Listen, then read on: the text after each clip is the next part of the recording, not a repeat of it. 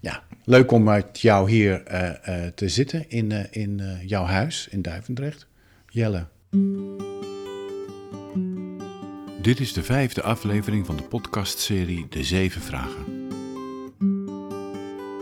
En ik heb jou net als de andere zes gasten gevraagd om je wat te concentreren op één vraag. Maar ik begreep net al van jou dat je graag op alle zeven vragen je mening wel zou willen geven. Zeven vragen die gaan over geboorte en dood en alles daartussenin. Zeven vragen over het leven en de zin ervan. Zeven vragen omdat ik er op dit moment niet meer heb. Mijn naam is Ron van Nes en samen met Raf Stevens, die nu ook weer de montage doet, maak ik deze serie. Ik zag jouw eh, blog op Medium over de zeven vragen die je aan zeven mensen wil voorleggen. Dat was een bijzonder getal, zeven. Ja. Dat zal je weten. Ja. Je hoorde Jelle van Baardewijk, filosoof en bedrijfsethicus. Zullen we eerst eens op die ene vraag ingaan en daarna kijken naar die andere zes vragen? lector ook op de Hogeschool in Rotterdam.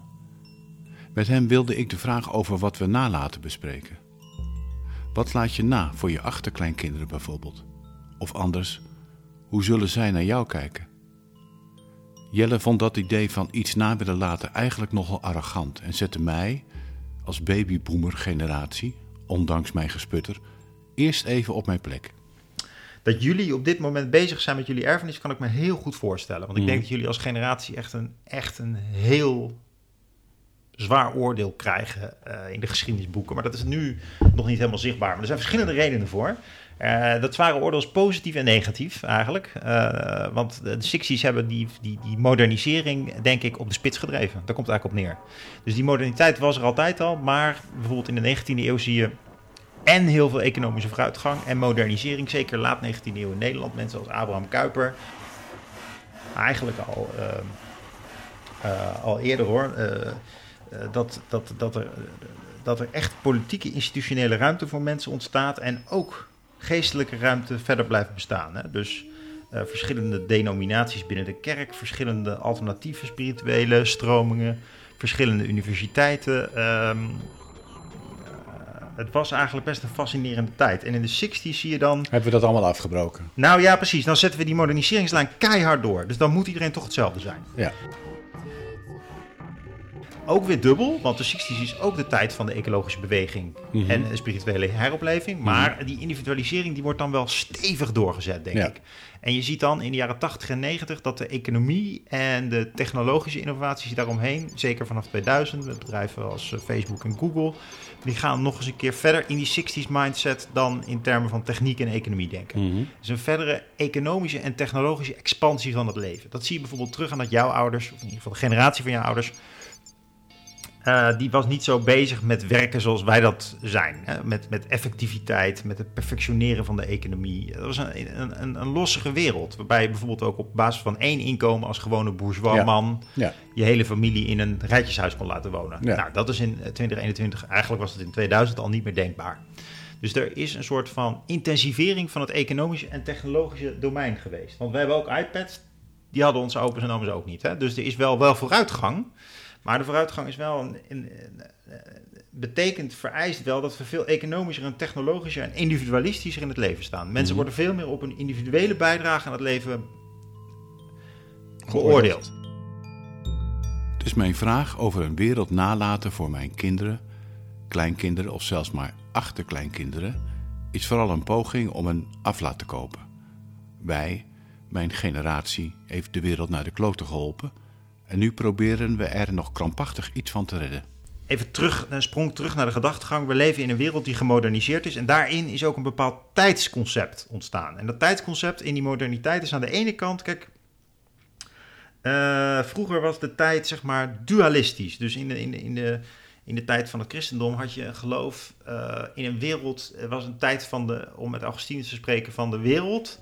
En er was een tijd van de stad gods. Van de Mhm. stad van de mens en van de stad van de god. Mhm.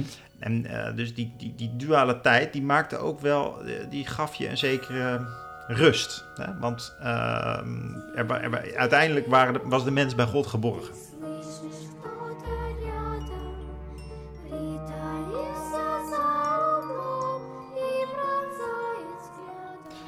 Eh, en dat was op een andere plek waarop de, de, de klokkentijd niet werkte of op een andere manier. Maar, maar hier onderbreek ik je even. Ja.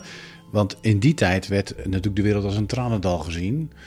En eh, eh, eh, het leven na je dood, wat voor veel mensen in die tijd nou heel niet prettig was, dat was om, iets om naar uit te kijken. Nu hebben wij een wereld gecreëerd waarin we zeggen, nou het is prettig, vertoeven voor een aantal van ons. Eh, maar nu komt die vraag over op ho- hoe vertoeven we hier dan? Doen we dat op een goede manier? En jij begint net mij te antwoorden. Dat vind ik een arrogante gedachte. Dat je bezig bent met een erfenis om na te denken over wat er dan na jou komt en hoe jij dat nu al kunt regelen hier. Ja, nou ik denk in de eerste plaats dat het niet klopt. Jouw beeld van de middeleeuwen en de oudheid, dat, dat, dat het leven in Tranendal was, dat klopt gewoon niet. In ieder geval niet voor zeg maar eh, een groot deel van de samenleving. Alleen er werden ook heel andere eisen gesteld aan het leven. En er was zeker ook toen een eh, armoedig proletariaat, absoluut. Er was, was, veel meer pijn en misstand, maar tegelijkertijd was er toch ook geluk. Hè? We, we, we weten dat ook uit wat we aan, aan bronnen hebben overgeleverd. Alleen we toetsen nu heel erg die tijd aan onze standaarden van comfort. Mhm.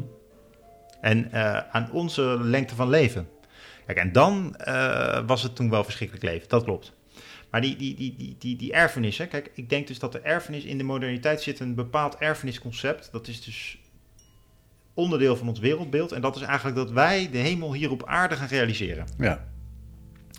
En ehm, eh, ik denk dat er een, een, een heel grote utopische kant aan zit.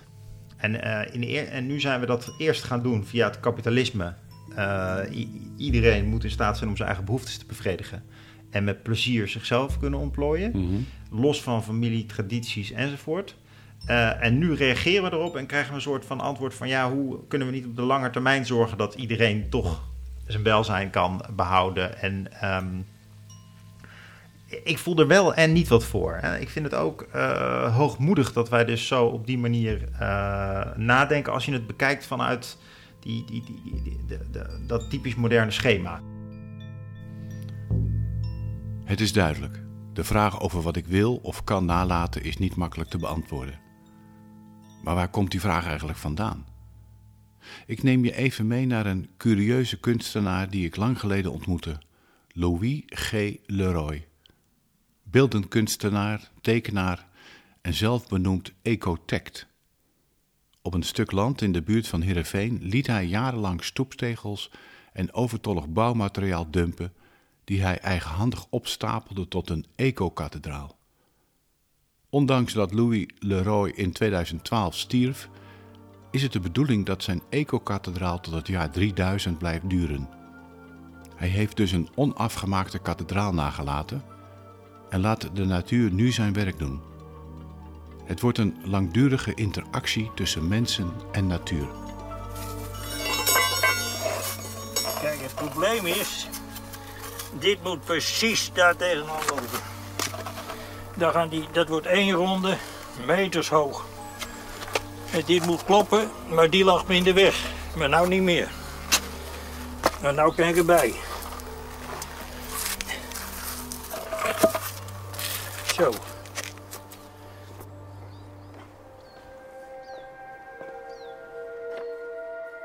Door de groei van de economie en de snelheid waarmee alles geproduceerd moet worden, is er een systeem aan de gang dat de mens met de natuurlijke aanleg van de tijd als een organisme te beleven, de mens kan dat niet meer volgen. De snelheid van de economie verplettert als het ware het natuurlijke proces zoals het altijd gegaan heeft. Die twee die maken een gewoon kortsluiting. En de bedoeling van mijn werk in Wildam is eigenlijk om te proberen of dat weer samen kan gaan lopen.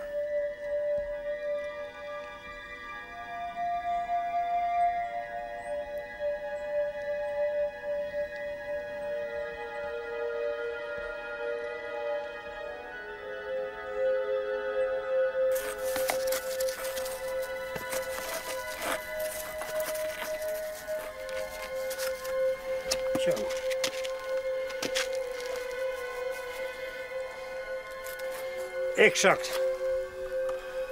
Hé, hé. Jongen, jongen, jongen.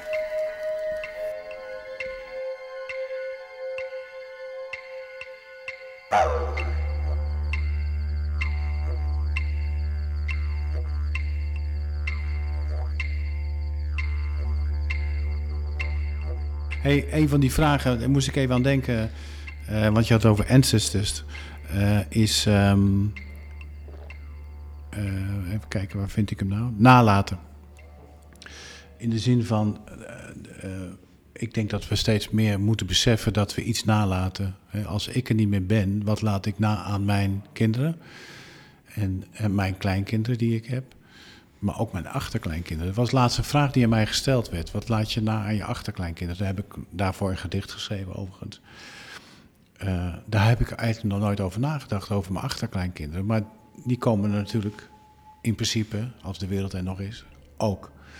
En die zullen mij niet kennen, want ja, ik ben niet hun opa, ik ben hun overgrootvader. En die, ja, die is, dan ben je min of meer uit zicht, vaker.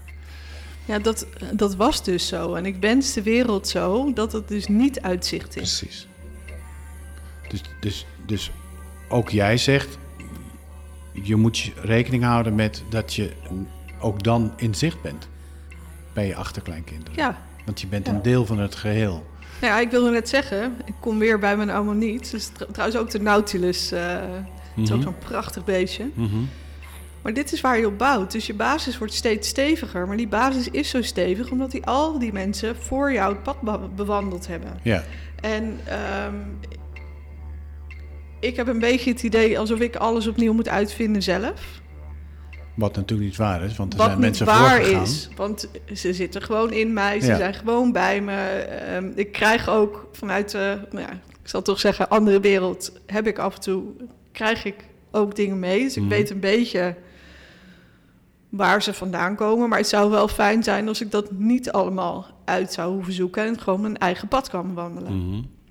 Waardoor je in feite dus die schelp eh, steeds breder wordt, die basis steeds breder wordt. Ja. En dan kunnen mensen erop gaan staan. En dat is Ja. eigenlijk ook, nou, als je naar de wereld kijkt, ehm, als, als we continu opnieuw gaan uitvinden hoe we met insecten om moeten gaan of hoe we op allerlei manieren, ja, dan doen we eigenlijk niks. Terwijl Hmm. als we voortbouwen op wat er is, dan kunnen we veel meer voor elkaar krijgen. Nou, Ja. Dan komen natuurlijk al die spreekwoorden vandaan. Weet je, wel, alleen eh, ga je sneller, samen kom je verder. Ja. Ja, dat zijn wel eh, een soort van waarheden als een koe. Je hoorde Babette van der Wijst, bedrijfssjamaan, die ik eerder de vraag naar onze geboorte en onze geboorteplek voorlegde. Dat idee dat je voortbouwt, net als de ecotect Louis Leroy, komt voort uit dat wat kathedraaldenken is gaan heten. De mensen die in de middeleeuwen als metselaar of timmerman aan de bouw van een kathedraal begonnen, wisten dat ze die nooit af zouden zien. Toch zetten zij zich aan het werk, vanuit een gemeenschappelijk geloof, een idee van de toekomst. En ik, ja, ja, dus dat. Wat ga jij nalaten? Ehm, ja, met alles wat ik, wat ik, waarvan ik heb gedroomd dat het gaat komen, denk ik dat ik het na ga laten dat het normaal is dat, we op, eh, dat alles er mag zijn.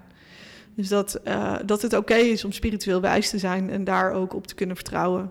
En dat het dus niet alleen maar over feiten en over rapporten en over eh, formats gaat. Eh, maar dat er ook nog een hele andere realiteit is. Ja, het is een hele fascinerende vraag. Hoe, hoe laten we. Wat willen we achterlaten aan de wereld? Ik denk dat er wel. kijk, er zijn evidente aanleidingen om te zeggen dat dit een belangrijke vraag is. Bijvoorbeeld de ecologische crisis waar we nu in zitten. Eh, dat is ook wel meteen de grootste. Mm, toch ook is het niet de enige urgent. Hè? Eh, als je kijkt hoeveel leed er in de wereld is, dan wil je eigenlijk de wereld achterlaten op een manier dat het leed aangepakt kan worden. En eh, dus dat, het is zeker een belangrijke vraag. Maar de, de psychologische en zelfs spirituele kant van de vraag is ook hoogmoedig. Hè? Dus het is niet, ik denk niet dat het zo goed is als mensen bezig zijn met hun erfenis. Ik vind het ook een ehm, hoogdravende ambitie. Ik denk ook dat. eh, dit, dus, dus, dus die ambivalentie zit er voor mij heel erg in. Ja, ik denk dat eh, er veel te veel mensen bezig zijn met hun erfenis. Echt. Dus eh, eh, ik vind dat niet los, ehm, niet open, niet vrij. Maar aan de andere kant begrijp ik het gezien die ecologische en sociale morele uitdagingen die we hebben heel goed.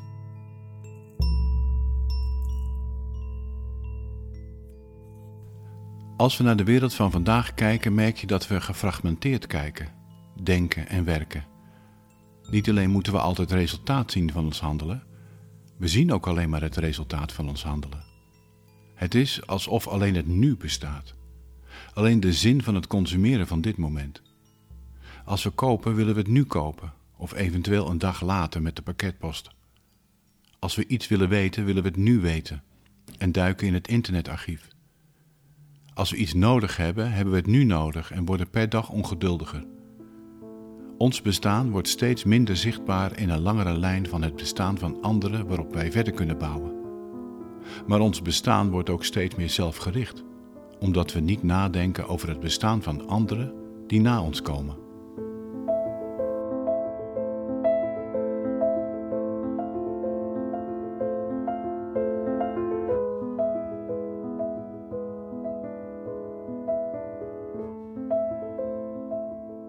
We are called, as we like to say, to look into one another's eyes in order to see more deeply and in order to recognize the beauty of God in every living human being.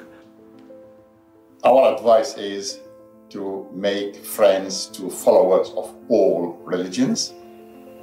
Muy importante porque la mía, mi, mi vida religiosa se enriqueció con explicaciones de él. Se enriqueció muchísimo, ¿no? Y supongo que también algunas mías, ¿no? Bueno, fue nuestra vocación religiosa la que propició el que nos encontremos en la vida.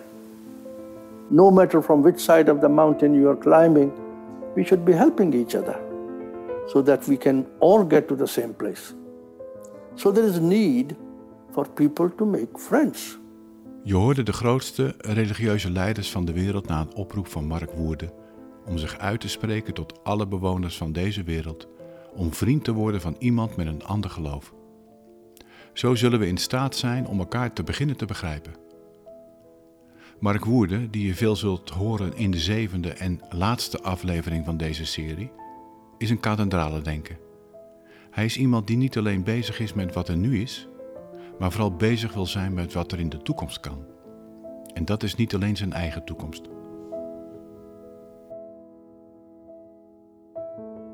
hoe dat, hoe dat zover kwam. Eh, nou, voordat, voor, voor dit initiatief heb ik een ander eh, initiatief gedaan waar ik eh, twee, tweeënhalf jaar mee bezig ben geweest. Een initiatief waarbij we hebben geprobeerd om webcam child sex tourism op de kaart te zetten. Mhm. Ehm, een groot project eh, wat nou, door meer dan een miljard mensen het nieuws is gezien. Dat, dat was een virtueel meisje wat we hebben Ja. gecreëerd. Ja. Sweetie heette ze.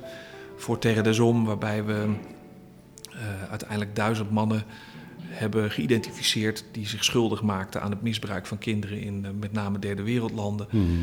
Om maar aandacht te krijgen voor de grootte van het probleem en ook te laten zien hoe makkelijk het is om als politiekorpsen wereldwijd proactief die kinderen op te of die daders op te sporen Ja. en dus die Ja. kinderen te beschermen. Ja. Het heeft een enorme impact gehad. Ehm, en ik deed dat ook om te laten zien dat je als creatieve industrie veel meer kan dan Want je komt maar- uit de reclame, even voor alle helderheid. Ja, ik kom uit de reclame. Dat heb ik inmiddels ook achter me gelaten. Maar Mhm. ehm, ik wilde graag laten zien hoe we als creatieve industrie veel meer kunnen doen dan alleen maar spullen verkopen. Eh, nou, dat project heeft enorme impact gehad. En bracht mij ook op allerlei podia om daarover te vertellen. En na afloop, eh, ja, het was een, dat was een heel mooi event in Londen met Economist en Contagious en een aantal andere grote namen. En ik mocht erover vertellen. En na afloop werd ik aangeschoten door een, nou, ik dacht iemand zoals ik. En die zei: Mark, je moet iets doen aan de manier waarop mensen mij zien. Als ik eh, het openbaar vervoer instap, dan denken ze dat ik eh, de metro wil opblazen. En ik had werkelijk waar geen idee waar hij het over had. Ik had net voor, eh, voor duizend man opgetreden met Mhm. camera's erbij. En ik dacht, nou, dat zal allemaal wel. Maar we raakten toch in gesprek. En, en waar heb je het over? Dat, dat vroeg ik hem. Mhm. Nee, ja, ik, ik, ik ben een moslim en mensen denken dat ik, dat ik een terrorist ben. Dat is ongeveer wat hij zei. Hmm. En ik, ik snapte er geen bal van, want ik dacht dat helemaal niet. Ik dacht, oh, leuk vent, eh, ziet eruit zoals ik, eh, heeft ongeveer dezelfde achtergrond. Eh, maar hij vroeg me, kan je niet wat bedenken waarop, waarop, waarop mensen me anders zien? En op de een of andere manier raakte het me. Ehm, er zijn wel meer dingen die me raken, maar op de een of andere manier raakte het me. En toen ik in de trein terug zat, Maar wat raakt je dan op zo'n moment? dat iemand dat daadwerkelijk voelt en denkt. En het zo hoog zit dat hij dat tegen mij gaat zeggen. Mhm. Terwijl we elkaar niet kennen. Hmm. Dus in de trein terug dacht ik... eh, ja, wacht eens even. Eh, dit kon wel eens een heel, heel, heel groot probleem zijn... wat misschien ook wel heel makkelijk op te lossen is. Als iemand daadwerkelijk denkt dat de ander kwaad denkt over hem... of als je daadwerkelijk denkt dat de ander jou niet mag... terwijl het in werkelijkheid niet zo is... ja, dan heb je daar een enorme bron van spanning te pakken. Misschien zelfs wel een bron van geweld. Want als ik denk dat jij me niet mag... dan is het misschien wel verstandig om jou als eerste een tik op je neus te geven... voordat je mij een tik op mijn neus geeft. Ja. Ehm, en nou, ongeveer op die treinreis terug dacht ik al van... nou ja, wie beter dan de religieuze leiders kunnen dat, eh, kunnen dat vooroordeel ontkrachten. Mhm. En toen had ik eenmaal het idee. En ja, eh, toen dacht ik, nou, dan moet je het ook maar zien te regelen. En dan Ja. vind ik het, aan de ene kant vind ik het dan fijn. Van nou, dat is leuk. Hoe gaan we de Dalai Lama zover krijgen? Hoe gaan we de paus zover krijgen? En hoe gaan we de, de groot mufti zover krijgen? Ehm, ja, hoe, hoe ga je dat voor elkaar krijgen? En aan de andere kant ook, boah, stel je voor dat je dat voor elkaar krijgt. Hoe, hoe, tof, zou dat zijn? Hoe, hoe tof zou dat zijn? En wat voor Ja. eh, golf van, van rust kan dat geven door de samenleving? Ja. Misschien niet zozeer in Nederland, omdat, het geen, omdat er weinig gelovigen, of eh, wij- veel minder gelovigen zijn dan bijvoorbeeld in Indonesië. Hmm. Eh, maar wat voor een, eh, of in Pakistan of in India. Maar wat voor een heerlijk gevoel kan dat, kan dat teweeg brengen. En, wat, ja.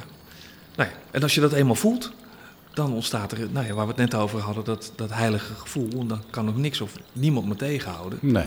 Totdat er iemand zegt, nou dat is niet zo'n goed idee of dat gaat niet. Ja. En ik kan toevallig heel goed tegen afwijzingen. Eh, dus als iemand zegt nee, ehm, dan denk ik oké. En dan hoop ik ook dat ze zeggen waarom niet. En dan vind ik wel een andere manier om, ehm, of vinden we een andere manier Mhm. om iemand wel zover te krijgen om mee Ja. te doen. Nou, en uiteindelijk is dat gelukt. My name is uh, Paul Pullman, and I'm actually writing a letter to my yet to be born great grandchild. My beloved great grandchild, the year 2120. You must be a teenager now. And I wonder, how alive is the world that you are living in? We are now at risk of handing over a planet to you, my dear great grandchild, and your children and their future children, which is so destabilized that we can see no chance of providing good living conditions for you and your fellow citizens. I will be your biggest supporter in any way I can. And now I know that I go before you, and you come after me, child, grandchild, great grandchild. The question arises Have I taken good care of you?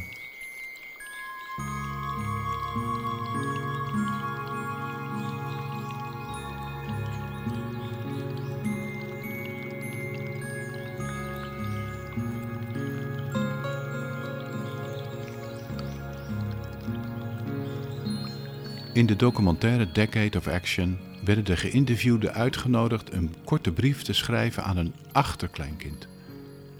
De documentaire gaat over de klimaatcrisis en alles wat er nu veranderd moet worden, opdat we de wereld met gerust hart kunnen achterlaten voor onze achterkleinkinderen. Ik schreef dus dit gedicht.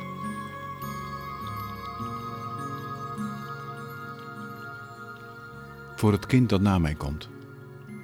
Ja, ik ga je voor en ik ben getuige van jouw wereld waarin jij geboren zal worden. Ik ben verantwoordelijk voor jouw dagen en nachten waarin jij dan leven zal. Ik ga je voor, want zo bepaalt nu eenmaal het ritme ons leven. Eerst ik en daarna jij. Ja, ik ga je voor, ik leef nu, mijn wereld waarin ik jou achterlaat. en ben bewust van de consequenties dat jij je dagen en nachten misschien bezig zal moeten zijn met overleven. Ik ga je voor, want zo werkt de natuur in ons systeem. Eerst ik en daarna jij. Ja, ik ga je voor, maar niet zonder besef van mijn rol in jouw leven. Dat alles wat ik achterlaat ook mijn deel van de erfenis is aan de wereld van jou. En nu ik weet dat ik voorga en jij na mij komt, kind, kleinkind, achterkleinkind, dringt zich de vraag op: heb ik goed voor je gezorgd?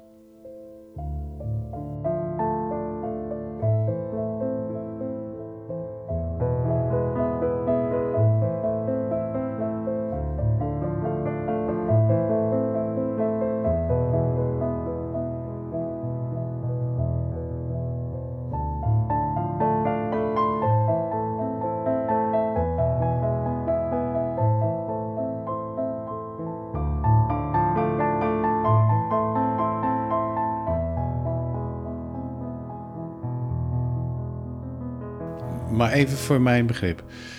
Ik hoor je zeggen, ehm, we zijn zo geconcentreerd bezig met de toekomst. Ja. Dat we daarmee bezig zijn om dingen, ja, de hemel op aarde te creëren. Niet alleen voor onszelf, maar onze kinderen, kleinkinderen, achterkleinkinderen.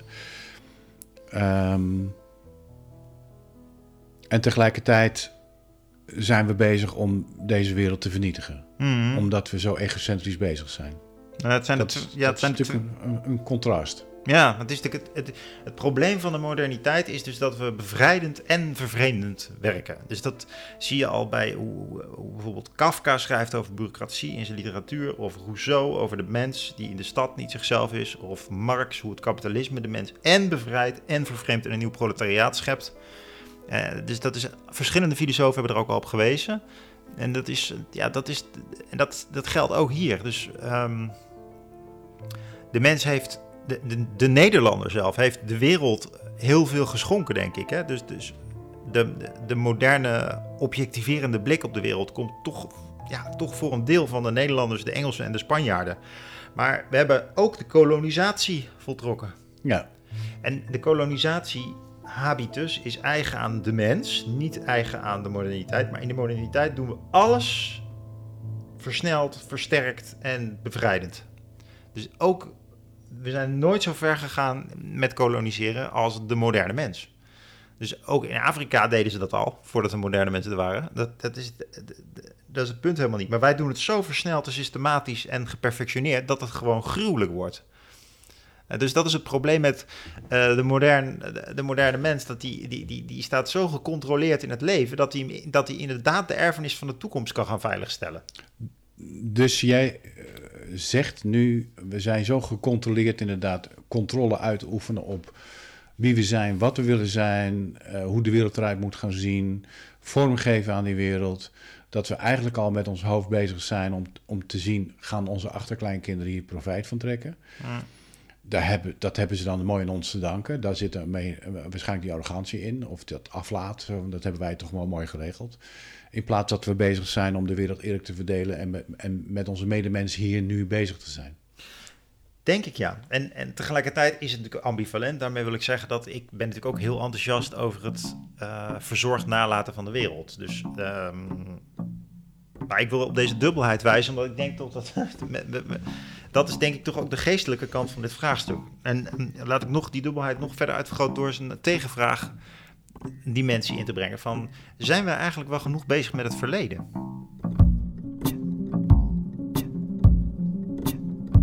Hello there. This is your ancestor speaking. Your predecessor from the 21st century.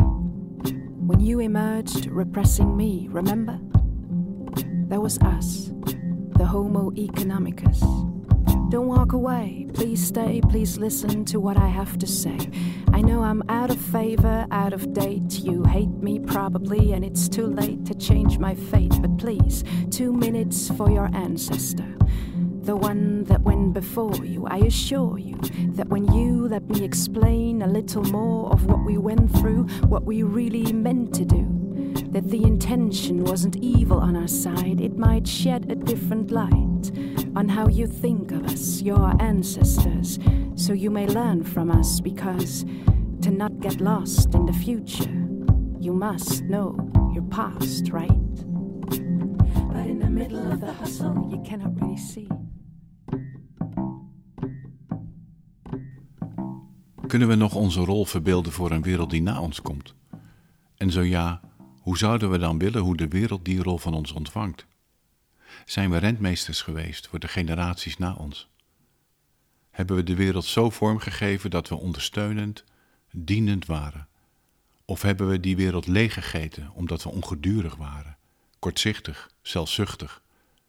Zijn we in staat kathedralen te bouwen in deze wereld, in deze samenleving? Toch? Dat het goed met je mag gaan in Wow, master. Yeah. Let's get it. Respect naar de heer Rutte, u doet zeker wel uw job, maar iedere keer u weer verlengt, heb ik zeker nog geen job. Ik voel me los, ik voel me los, zo'n goed geregeld land. Met een verblijfsdocument kan ik weinig moeven, man. Nou ja, vooral ook vanuit kansengelijkheid, denk ik. Uh, ik heb altijd het gevoel gehad, het is zo oneerlijk. Dat ik uh, wel de kansen heb en een fijne opvoeding heb gehad. En iemand, uh, nou ja, in uh, Zuidoost of in Rotterdam-Zuid hier, maar misschien ook in Afrika niet. Dus daarin voelt het soort als een verplichting, morele verplichting, om daarin in ieder geval wat ik kan bij te dragen. Jij strijdt ook mijn broer, het is niet dezelfde stand. Neem ik vier stappen naar voren, ga ik acht achteruit. Maar ben een soldaat, ik geef acht. En deel nog steeds mijn beschuit. Vanuit de jongeren in jeugdzorg merk ik dat ze geen ruimte hebben om te falen. Dus dat ze, om op te groeien moet je toch leren vallen en opstaan. Uh, en daarin leren wie je bent en wie je wil zijn. Maak een vuist, gebruik hem juist in het land. The only way is up, you stepping up, you stepping up. Um, maar juist door die beschermende hand van jeugdzorg, echt goede intenties hoor. Uh, maar wordt er heel veel overgenomen. Waardoor er jongeren en kinderen niet de kans krijgen om zelf op hun bek te gaan. uh, en op het moment dat je dan los wordt gelaten uit jeugdzorg um, en je valt, dan kan je hard vallen. En dan is opkrabbelen lastig. Zonder verwachting, indirect krijg ik toch die verplichting. Wil niet terug naar Su, ik heb grote plannen. Maar moet ik dan terug als die prik moet, mama? Oh mama, yeah, oh mama, oh mama, that's gone, messed up. Nienke van de Straten is afgestudeerd als social designer en werkt nu voor Garage 2020. Daar denkt ze na over een maatschappij waar jongeren een plek hebben. Als designer werkt zij vooral aan systeemfouten in de jeugdzorg. Hoe kun je ervoor zorgen dat we een wereld creëren waarin we niet steeds weer dezelfde fouten maken? Ook Nienke is daarmee zo'n kathedralenbouwer. Want de problematiek is hardnekkig. En ze blijft hopen op resultaten. Ja, ik hoop toch wel echt dat ik dan wat jongeren of kinderen heb geholpen. Ja. Uh, dat ik dan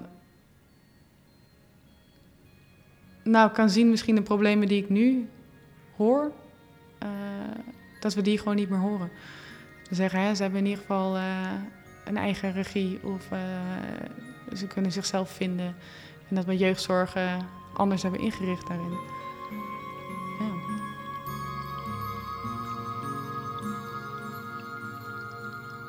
Ik heb altijd een langetermijnvisie. Dat ik denk, dit is wat ik wil oplossen. Als we dit probleem zouden moeten oplossen, dan is dit het ideaalbeeld. Um, maar dan beginnen we hier. Want als we niet klein beginnen, dan komen we nergens. Um, dus ik heb daarin wel per onderwerp in mijn hoofd van hé, hey, dit is het ideaalbeeld en zo zouden we er moeten komen. Um, maar ik heb dat niet gekoppeld aan wat ik achter wil laten op het moment dat ik een bepaalde leeftijd heb.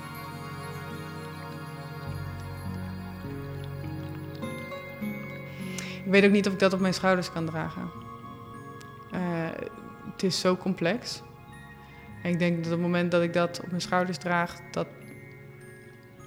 uh, je dan bezwijkt. Um, dus ik doe wat ik kan. En ook, ik denk juist dat het goed is om ook wat je ziet aan te kunnen grijpen wanneer je er bent. Eh, want we moeten het echt samen doen. Ja. Ik wil niet later terugkijken en teleurgesteld zijn dat ik het niet heb gehaald. Als ik weet dat ik in het moment altijd mijn best heb gedaan en gedaan wat ik kon.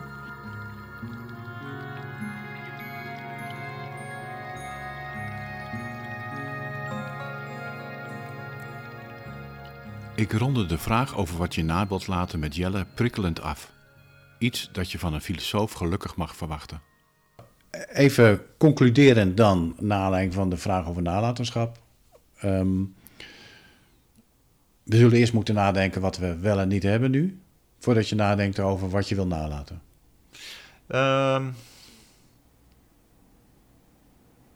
nou, nadenken, nadenken. Ik denk dat we dat allebei wel weten. Bedoel, we weten wel wel wat we verspeeld hebben en wat we misschien moeten zien te redden. Mhm. Onze eigen taal. Eh, in de wetenschap zie je bijvoorbeeld dat we eigenlijk nauwelijks meer in het Nederlands produceren. Dus in, Mhm. alles wordt in het Engels gepubliceerd. These interconnections geproduceerd. are all Je ziet is dat de, de, with de knapste koppen van dit land denken niet meer in de landstaal. we cannot exclude that we're approaching tipping point. En Dat is eh, ook vanwege een economisch overheidstechnisch prikkelsysteem zo. Wil je die prikkels verleggen om onze taal voor de wetenschap te redden of niet? Dat is een keuze waar we nu inderdaad voor staan.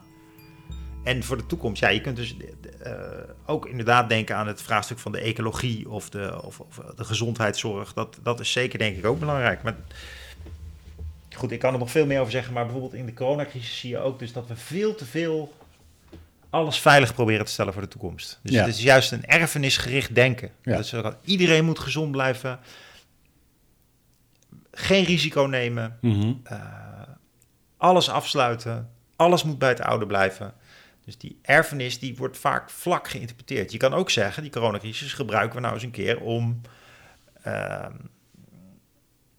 onder ogen te komen wat, wa- wa- wa- eh, wat het eigenlijk betekent om in een samenleving te leven die zo vergrijsd is. Om onder ogen te komen dat wij in Nederland eh, jaren achter elkaar twee keer zoveel geld uitbest- uitgeven aan, aan zorg dan aan onderwijs. Mhm. Wat betekent dat eigenlijk? Wat is dan je erfenis? Dan Maar dat wel- is die babyboomer generatie. ja, ja. Nee, ik wil het niet weer zeggen. Maar het is inderdaad zo dat de babyboomer generatie die is echt geobsedeerd is door zichzelf. Ja. Want eerst als ze studeren, dan moet het hele curriculum veranderen. En eh, lezen ze geen Plato meer. Met als gevolg dat mijn generatie überhaupt geen leermeester meer heeft die dat nog kan. Mhm. En vervolgens, als ze oud zijn, ja, dan moet alles ingericht worden op de zorg. Ja. Dus je bent gewoon gevangen gehouden door die generatie. Die generatie speelt een heel belangrijke rol in onze cultuur. Ja. En dat is niet trouwens alleen maar vanwege de kwalitatieve ideeën die ze hebben. Die ik trouwens ook, waar ik gek op ben. Ik ben, ik ben een dol op boomers. Eh, eh, ik ga ermee om. En leermeesters zijn voor een deel boomers. Het is niet dat ik. eh, Het is ook een bovenindividueel iets. Het ligt ook niet aan individuen. Maar die generatie die heeft dus ook iets kwantitatiefs. Het is ook gewoon een enorme generatie. Mhm. En, en die generatie heeft ook voor En die blijven eerst- maar leven. En die, ja, precies. Laten we dan deze aflevering afsluiten met Stuart Brand. Trouwens geboren in 1938 en oprichter van de Lang Foundation. Een organisatie die hoopt een tegenwicht te bieden aan de huidige versnellende cultuur en te helpen lange termijn denken gebruikelijker te maken. Een tegenwicht tegen bedrijven die slechts hele korte tijd er zijn en dan opgeslokt worden of domweg verdwijnen. Instituten die geen tijd hebben een verleden op te bouwen. Het jachtige leven van de aandelen op de beurs.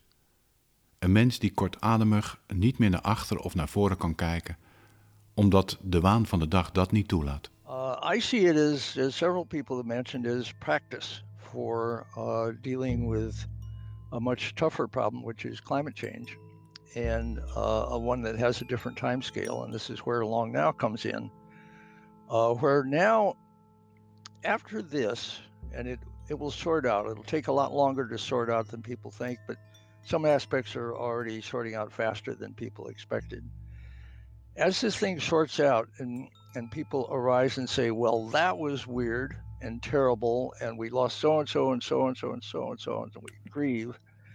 Um, but it looks like we're coming through it. Uh, humans, in a sense, caused it. um, by you know making it so that bat viruses could get into humans more easily, uh, and then connecting in a way that the virus could get to everybody. Uh, but also humans were able to solve it. Well, all of that is almost perfectly mapped onto climate change, only with a different time scale. In a sense, everybody is causing it by running, being part of a civilization running a much higher metabolic rate, uh, using that much more energy driven by fossil fuels, which then screwed up the atmosphere enough to screw up the climate enough to where it became a global problem caused by basically global activity of everybody. And it's going to engage global solutions. Um, probably in light of what Jeff Ross was saying, it'll be you know uh, innovators in cities communicating with other innovators in other cities who will come up with the needed set of solutions to emerge and get economy back on its legs much later than people want, but nevertheless get it back. And um, and then we'll say, okay, well, what do you got next? Because there'll now be this point of reference, and it'll be like, if we can put a man on the moon, we should be able to blah blah blah. Well, if we can solve coronavirus and stop a plague that was that affected everybody, we should be able to do the same damn thing for climate. Ik dank al mijn gasten voor hun openhartigheid. Ik heb genoten van mijn gesprekken met hen. Deze aflevering van de zeven vragen maakte ik samen met Raf Stevens, die de montage deed. Tot de volgende aflevering. Die gaat trouwens over de vraag naar compassie. Whoa, yeah. We stepping up, we stepping up. We be stepping, huh? We stepping up, we stepping up. Hey, let's get it. Yeah. Men, de armen worden armer en de rijken gaan naar middenklas. Bedrijven gaan failliet, de Eerste Kamer die ik binnenpret. Vallen en opstaan, men komt in opstand. Auto's staan in brand, man. Maak een vuist, gebruik hem juist in het land. De only way is up, we stepping up, we stepping up. Mask on, mask off, mask on, mask off. Mask on, mask off, mask on, masked off.